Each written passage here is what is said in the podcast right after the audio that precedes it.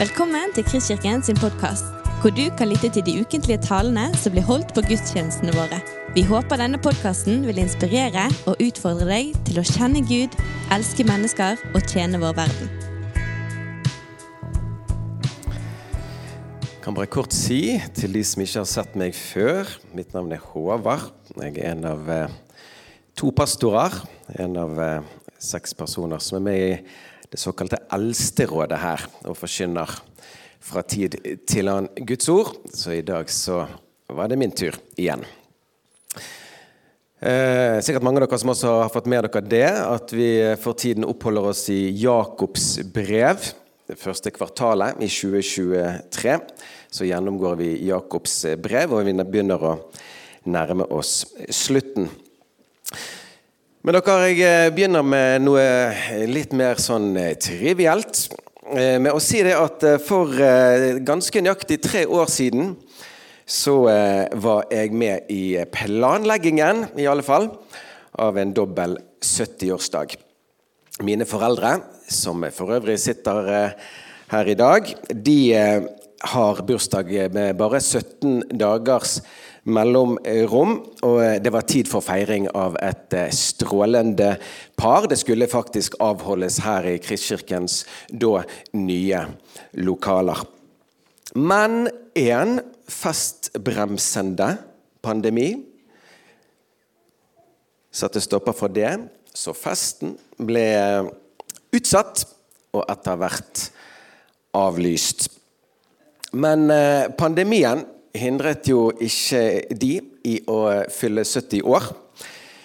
Så på min eh, mors eh, bursdag så ble det, i henhold til daværende smittevernsregler, arrangert en overraskelsesfest i eh, vår lille bakhage. Så når hun entret hagen, så sang familie og noen få venner bursdagssangen. Og hun fikk ta imot vår begeistring for eh, hund. Dere, Mange ganger så har jeg tenkt på dette at vi kunne vært fullstendig uvitende om hvilken gledesfest som eh, venter oss på den andre siden av døden. Det kunne vært Guds hysj-hysj. Eh, Hans eh, store overraskelsesfest for oss. Istedenfor ser vi at Gud her gjør det helt motsatte. Dette skal overhodet ikke holdes skjult. Dette skal avdekkes, åpenbares, i massevis for oss.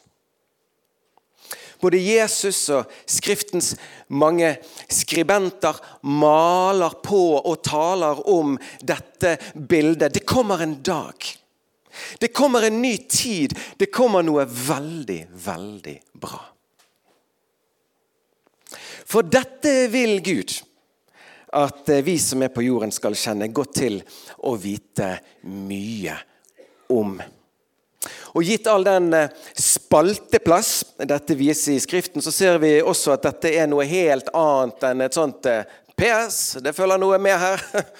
Et slags eh, kjekt og positivt ekstraprodukt som medfølger mottakelse av kristenlivet. Nei, det er en kjernesak, et kjernepunkt, brettet ut for oss. Også for å lyssette livet vårt her på jorden. Jakob er blant de som er veldig opptatt av at livene våre leves i lys av evigheten.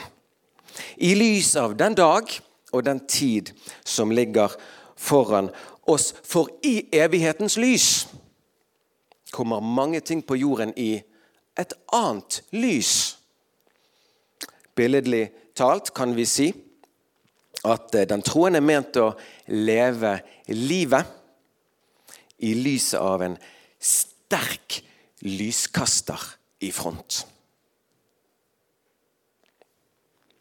For to uker siden forkynte Johannes Vedelden her om Jakobs upolerte veiledning om dette med penger og materiell velstand. Det var tydelig tale, det. Fra Jakob aller mest, litt fra Johannes også. Men tydelig tale fordi Jakob står i lyset av evigheten og veileder.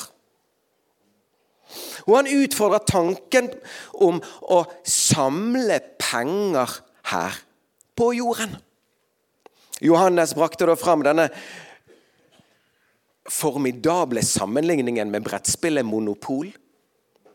Mens du holder på, vil du eh, samle mest mulig til deg sjøl. Men på et tidspunkt så brettes jo det hele sammen. Og du får ikke med deg videre det du har samlet. Og Jakob utfordrer da på hvordan det forvaltes i lys av evigheten. Hva holder dere på med? I det lys er jo det et ganske godt spørsmål når det kommer til penger og materiell velstand.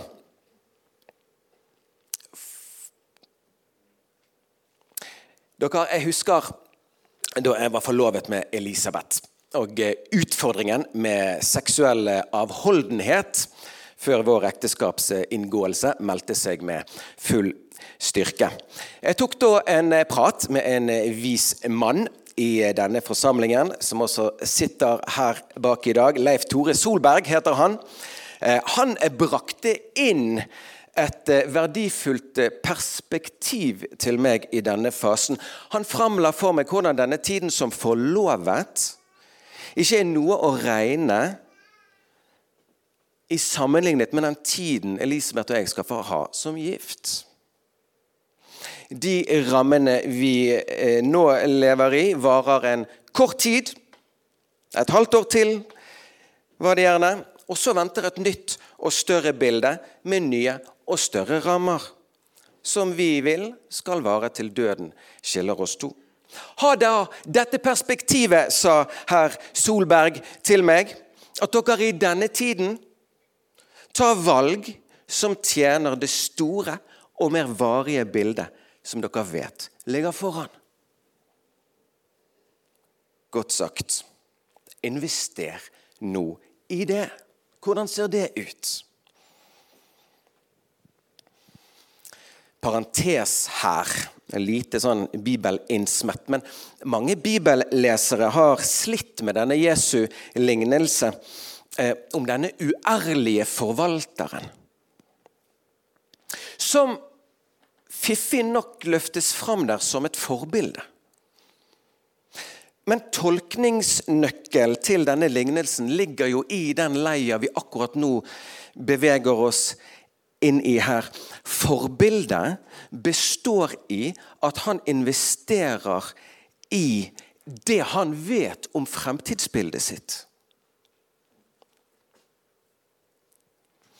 Han investerer nå i det som ligger fremfor han. Hadde bare lysets barn, som vet det de vet om sin fremtid, vært like kloke som denne karen, som har lys over hvilken fremtid han går i møte. Forvaltning, investering nå opp mot det som man vet ligger foran. Når vi kommer til dagens tekst, Jakob 5, vers 7-11, så står Jakob fortsatt i dette evighetens lys og veileder. Men nå er ikke det lenger de rike han henvender seg til. Nå er ikke temaet forvaltning og investering i lys av dette store fremtidsbildet. Nå vender han seg til de som lider blant, blant troens folk. Til de som livet har låst seg for på ulike måter. Til de som knapt kan vente på Herrens dag, på Herrens gjenkomst, på en ny tid. Til de som lider av at menneskene de omgås, i sin umodenhet og uvitenhet både svikter og skader til de som på ulike måter lider ondt i livet. Og en felles utfordring for disse er at det ofte vil kunne melde seg en utålmodighet. Når skal Herren komme? Når skal Herren hevne? Når skal Herren gripe inn? Men istedenfor at Jakob her gir enkle løfter og snarveier til at disse konkrete situasjonene i livene våre vil endre seg, så gjør han noe annet her. Han gir denne gangen noen perspektiver på hvordan disse tingene kan endre karakter for oss om de møtes i lys av evigheten. La oss lese sammen. Vær tålmodige, brødre, til Herren kommer. Se, bonden venter på jordens dyrebare grøde. Han venter tålmodig på den, til den har fått både tidlig regn og senregn. Vær også dere tålmodige, og styrk hjertene, for Herrens komme er nær. Sukk ikke mot hverandre, brødre, for at dere ikke skal bli dømt. Se, dommeren står for døren. Mine brødre, ta profetene som talte i Herrens navn, til forbilde i det å lide ondt og være tålmodige. Se, vi priser dem salige som holder ut. Dere har hørt om Jobbs utholdenhet og sett den utgang Herren ga. For Herren er overmåte barmhjertig og miskunnelig. Dere I denne vår gjennomgang av Jakobs brev denne vinteren så har vi flere ganger hørt at Jakobs brev regnes for å være eh, det eldste blant alle skrifter i Det nye testamentet. Så vi ser at utålmodighet i møte med Herrens gjenkomst, det meldte seg i kirken fra første stund. Og mange i eh, Guds eh, kirke har eh, opp igjennom forsøkt seg på eksakte tidfestinger i dette. Noen si, både personer og forsøk har gjerne vært litt av det skrullete slaget. Men andre har vært seriøst overbevist om at man har gjort funn i det man har forsøkt å tyde tidens tegn. Vel, Guds ord formidler i klartekst at dette tidspunktet er og blir skjult for oss. Hvilket vi må kunne stole på, er Guds visdom. Hadde han vurdert det slik at det var bra for oss å vite når dagen kommer, så tror jeg at han hadde sagt oss det. 3. oktober 2091 avdekket. Vel, hans vurdering synes heller å være at det er viktigere for oss å vite det er det at dagen kommer, ikke akkurat når den kommer. Det er ikke deres sak å vite tider og timer som Faderen har fastsatt, sa Jesus til sine disipler da de begynte å grave i dette terrenget. Dere får nok ikke vite. Men sier han, dere skal få kraft idet Den hellige ånd kommer over dere. Så disse ytre, eksterne forhold rår ikke dere over, men det er kanskje mye viktig med de indre forhold. Og akkurat her er det Jakob løfter fram for oss et vidunderlig og presist forbilde, nemlig bonden og hans indre liv. Hans forhold til tingene. Som for det første, skal vi merke oss, har en ydmyk, nærmest stilltiende aksept i det at han ikke kan forsere naturens lover, tvinge frem dagen for innhøstning. Ting skjer i sin tid vet bonden. Men himmelen må først få gjøre det himmelen skal.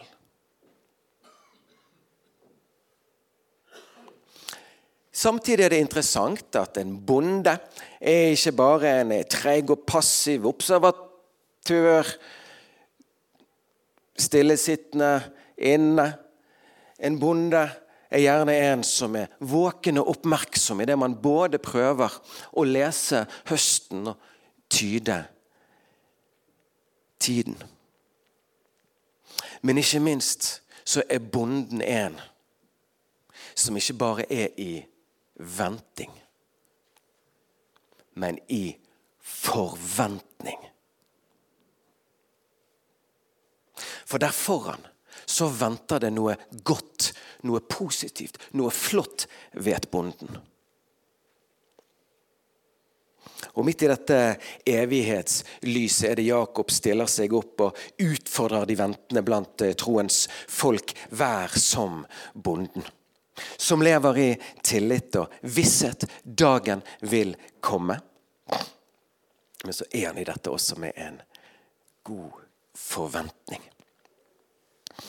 Og Det er som om vi hører Jakob melde noe inn her, at når han, bonden, kan vente tålmodig og forventningsfullt på korn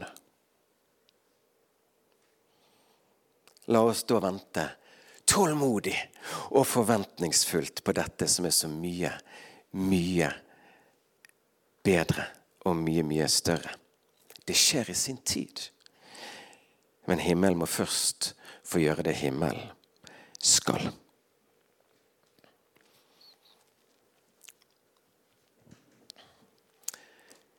Bare helt kort om det. Dette med sant? Dato får vi ikke, like lite som vi vet eksakt dato for en fødsel. Og Jeg skal ikke bevege meg for langt utpå her nå, eller for langt inn i noe her, sånn, men det er interessant at det i eh, andre Peters brev står at vi mennesker kan være med å fremskynde Herrens dag.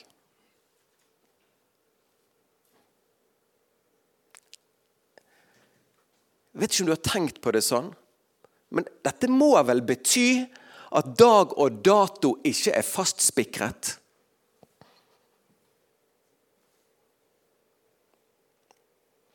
Men at det er mer sånn at når bildet i Guds øyne, ut ifra hva han har fastsatt, er tilstrekkelig modent, da skjer det.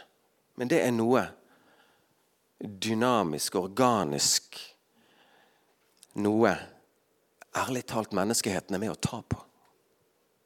Interessant.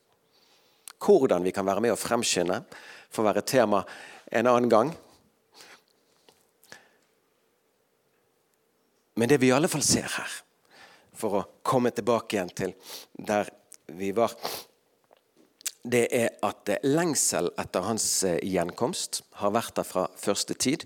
Og helt fra første tid har det også vært en, eh, si, et språk i kirken for at dette håpet vil møte motbør.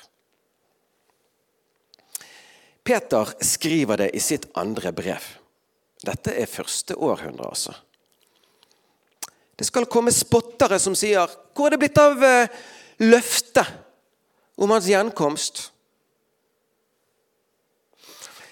Skriftens svar til dette er både trøstefull og tindrende klar i sin begrunnelse. Vi leser 2. Peter 3, 9-10. Én ting må dere ikke være blinde for, mine elskede, for Herren er en dag som tusen år, og tusen år som en dag. Herren er ikke sen med løftet, slik noen holder det for senhet, men han har tålmodighet med dere. For han vil ikke at noen skal gå fortapt, men at alle skal komme til omvendelse. Så med denne tålmodets Gud som forbilde, og med den tålmodige og også forventningsfulle bonden som forbilde, så er det som om Jakob her sier la oss ikke være altfor opptatt av de ytre forhold vi kan gjøre lite med. La oss fokusere på det indre livet vi kan gjøre mye med. Styrk hjertene! Deres eget og de andres. La oss leve i tillit til himmelen i dette, og med forventning i det vi òg kan glede oss over. Årsaken til at det dryger, nemlig at så mange som mulig skal få del i dette store, nye og gode bildet. Han er overmåte barmhjertig. Ja, full av omsorg er Gud.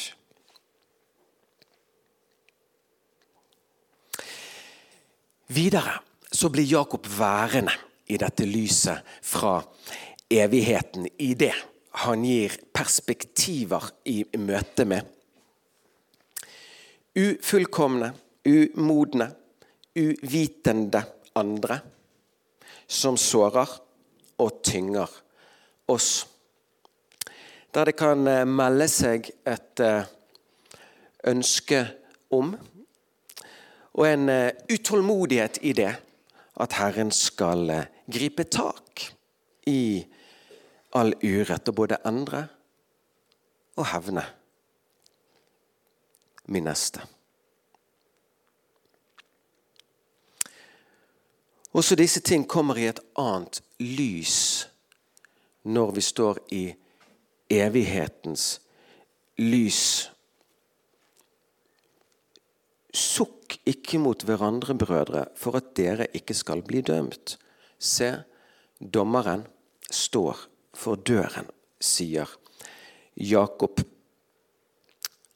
Jeg trår i dette feltet med varhet i dag. Det er et felt med uendelig antall av variasjoner og situasjoner. Men det er noen hva vi kaller allmenngyldige knagger som trer fram og kommer til syne når Jakob tar oss inn her og belyser det i lys av evigheten i det store bildet. Og Det første er at i ethvert bilde så er det ikke bare to, men alltid tre. Det er ikke lett å få øye på det alltid, men slik er det. Han ser, og han vet alt. Han er òg den som skal dømme. Sagt på en litt folkelig måte. Han er den som vil ta samtalen med vår neste. Jeg tenker det er trygt for et barn å vite om. Min rettferdige far følger saken opp.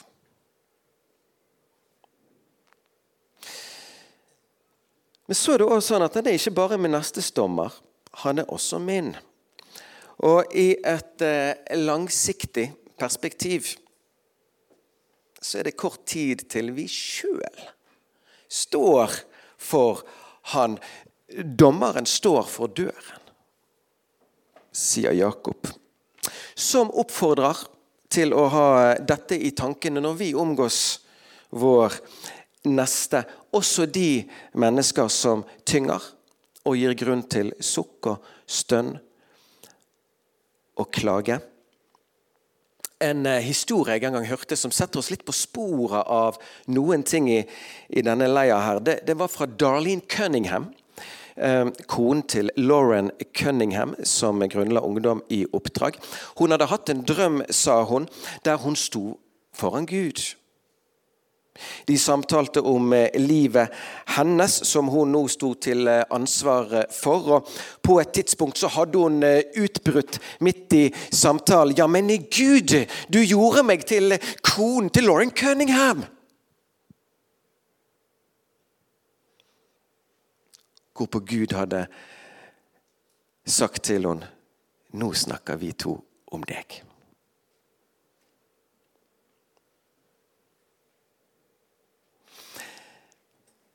Ved Guds nåde er det alltid mulig å vandre med Han i det som skjer. Dere skal få kraft, lovet han. Den siste allmenngyldige knaggen jeg vil trekke fram i dette, er Og denne er litt dyp, men han er også veldig fin. Og dypt bibelsk, forankret i personen Jesus Kristus. Det, det kan synes som at Gud har en helt spesielt gave å gi i møte med krevende og skadende andre. Og som man kanskje er noe mer mottakelig for om man stiller seg i dette evighetens lys. Nemlig at Gud kan gi oss del i den barmhjertighet han har for ethvert menneske. Og Skriftens aller ypperste eksempel på dette er når Jesus ber for sine bødler på korset. Og der uttrykker tilgivelsens kanskje innerste vesen. Far, forlat disse. Tilgi dem, for de vet ikke hva de gjør. Hvilket ikke bare er å forstå som Jesu bønn for sine bødler. Det er også Jesu bønn for hele menneskeheten. Far, tilgi dem, for de vet ikke hva de gjør. Og dere, Ved Guds nåde så kan vi få del. Vi kan bli gitt del i dette hjertelaget og sinnelaget. Far, må du tilgi min neste, for han vet ikke hva han gjør. Kort lyst til å si at I tilgivelsens verden så vil gjerne denne si, en barmhjertig handling ofte for mange gå forut for en barmhjertig holdning. Gir det mening? En sånn barmhjertig handling kunne gå forut for en barmhjertig Altså en handling går forut for holdning. Men man kan prøve seg fram da, med denne Jesu bønn. Og dere, Det sies at Jakob bar denne barmhjertighetens ånd like til sin død. Kirkehistorien forteller dette at som sin herre så ba han for sine bødler, de som tok hans liv, idet han ble dyttet ut fra en stor bygning, steinet og slått med en klubbe. Far, forlat dem, lød det fra Jakob, for de vet ikke hva de gjør. Stefanus var bærer av den samme ånd. Utviste barmhjertighet når han ble såret, like til døden. Herre, tilregn dem ikke denne synd. Dette er en ånd gitt av den Gud som er overmåte barmhjertig. Som vi ikke klarer å lage eller oppdrive sjøl men som kan meddeles av Han som en gave.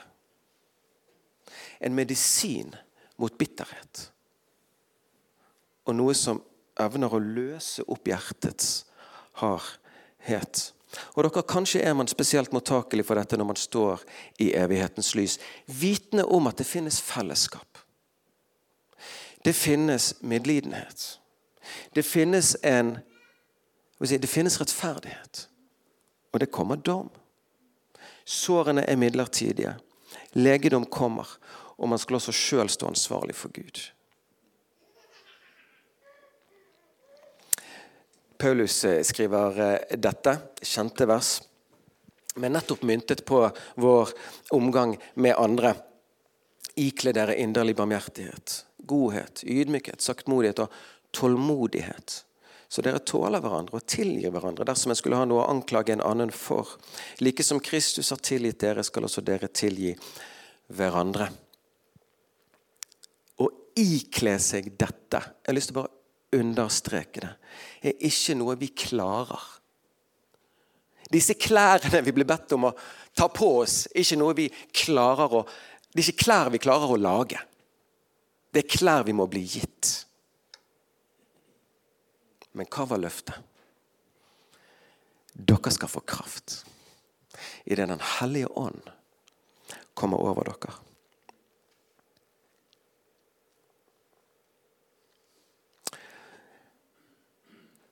Og fordi for å understreke akkurat det, fordi dette er noe som både må gis oss, og også kan gis oss, så er det òg at Paulus ber til Gud for de troende i Kolosse kapittel 1. At de skal bli styrket med all kraft.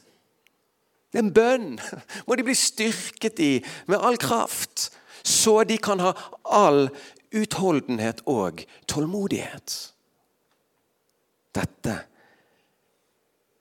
må gis. Og jeg har lyst til å bare smette inn. Ikke slik at dette er noe lett. Men hvem har sagt at det er lett? Det er ikke lett. Men vi loves kraft ved at Den hellige ånd kommer over oss, blir værende i oss og alltid med oss. Til sist i dagens passasje sier Jakob også noe om lidelser. Og hvordan òg de kommer i et annet lys, i lys av evigheten. Og jeg har lyst til å si det at Store deler av brevlitteraturen i Nytestamentet er i grunnen stilet til troende som erfarer prøvelser og lidelser. Er man i den situasjonen, så er det faktisk sånn at du trenger ikke bla lenge i boken før du finner treffende ord.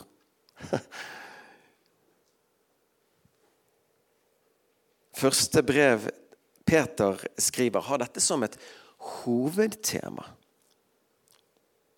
Ordet lide eller lidelser er nevnt 16 ganger på få vers.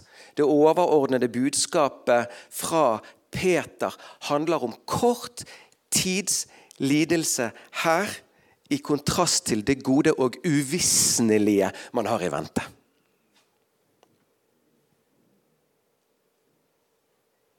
Og at han står i dette samme lyset som Jakob. Og eh, veileder.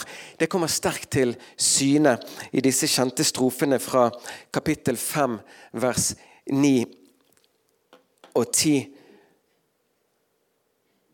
Dere vet jo at deres brødre rundt om i verden må gå gjennom de samme lidelser, men all nådes Gud, som har kalt dere til sin evige herlighet i Kristus Jesus, skal etter en kort tids lidelse dyktiggjøre stadfeste, styrke og grunnfeste dere.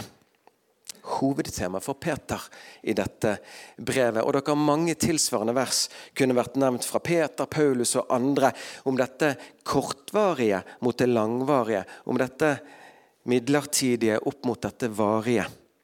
Og så løfter han fram Herrens profeter som forbilder for oss. Disse som virkelig levde med Gud men som ikke var fritatt lidelser av den grunn. For mange må man nesten kunne si tvert imot. Og så trekker Jakob også fram jobb.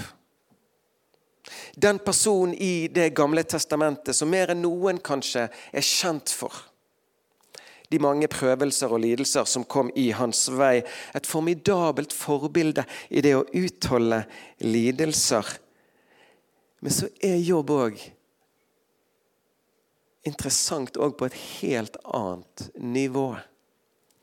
Noe Jakob òg si, selvsagt trekker fram.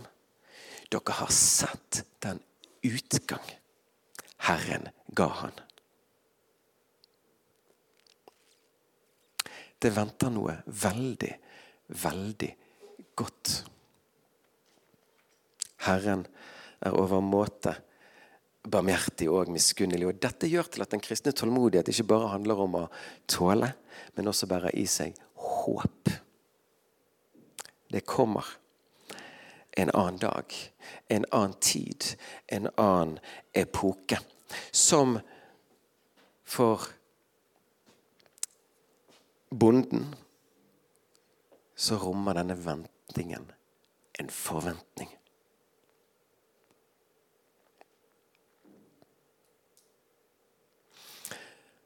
Og så må vi få si, idet vi begynner å snart runde av her, at selv om både profeter og jobb løftes fram her, så er nok Jesus igjen det aller største forbildet vi har på dette med å utholde lidelser idet vi har blikk på det som ligger foran.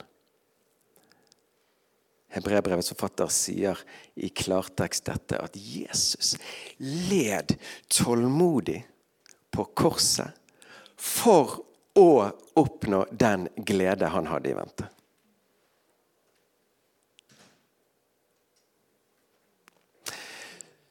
Så dere, det evige livet det kunne vært skjult for oss. Det kunne vært Guds store overraskelsesfest. I sin visdom så har han heller valgt å gjøre det viden kjent. Og kunnskapen om dette store, gode, varige bildet gjør veldig mye med våre liv her og nå. Det bringer et lass med perspektiver. Utfordrer oss på hvordan vi forvalter tid, penger, evner. Bringer lys over vårt møte med vår neste, også de som gjør oss vondt. Setter livets lidelser og prøvelser i et annet lys. Jeg har lyst til å dele med dere dette, at denne uken så var det fem år siden fødselsdagen til vår sønn Johan, som døde i Elisabeths mage litt over halvveis i svangerskapet. En litt eh, komplisert type sorg kunne vi kjenne på fordi for det første hadde Elisabeth og jeg rukket å knytte sterke bånd til denne lille gutten gjennom eh, flere måneder. Men det var det jo ikke så mange andre som hadde. Det var òg en litt komplisert sorg i den forstand at vi kjente at Ok, her sørger vi jo egentlig aller mest over hva som kunne blitt. Ikke bare over alt vi har delt, osv. Så, videre. så det kom i vår vei at vi var gjennom det man kalte for den stille fødsel. En enorm kontrast til hva vi hadde opplevd to ganger før, med to hylende jenter. For oss var det en tung tid. Men dere, midt i dette opplevde vi at lyset fra evigheten strømmet inn. Og det begynte å gå opp for oss at dette var jo ikke bare historien Unnskyld. Men en som hadde mistet livet. Dette var jo òg historien om en som har fått det. Så sorgen over at vi ikke fikk dele jordelivet sammen, den var og på et vis er der. Men evighetslyset har gjort dype, gode, viktige ting med oss. Og det synes å være en hjertesak og en kjernesak for Jakob. At dette evighetslyset kan få være noe vi ikke bare iblant besøker, men mer og mer kan få flytte inn i. Og gjøre noe med felt etter felt i livet. Så vil vi nok oppleve alle at dette perspektivet glipper igjen og igjen. Da er det så viktig at vi omgås andre som kan hjelpe oss til å løfte blikket og se det store bildet. Sånn som Nehemja hentet inn igjen de som arbeidet på Jerusalems mur, og resignasjonen meldte seg. Grushaugene er så store, vi makter ikke lenger dette. Tenk på Herren, sa Nehemja idet han løftet deres blikk opp og forbi grushaugene. De fikk øye på et større bilde som ga nytt mot og så står det her i mitt manus dere Nå er Nehemja død, men Leif Tore lever.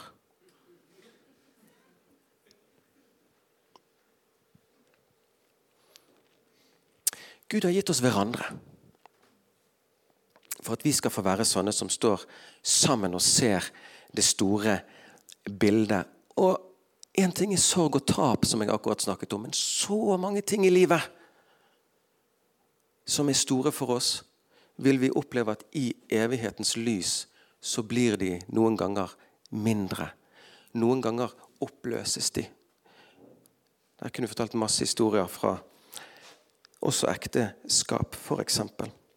Og vennskap. Ok, dere. Så med fullt overlegg, avslutter med det, så har Gud i sin godhet over måte storbarmhjertighet annonsert en fest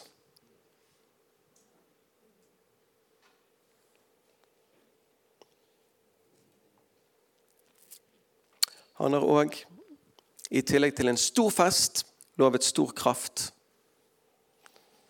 Dette bringer lys og håp til våre liv. Ja da, som bonden så må vi både tåle og vente men som bonden, så kan vi også få håpe og forvente. Du har lyttet til en podkast fra Kristkirken i Bergen. Vi håper du har blitt inspirert og utfordret i din vandring med Gud. Vil du vite mer om oss, så klikk deg inn på kristkirken.no.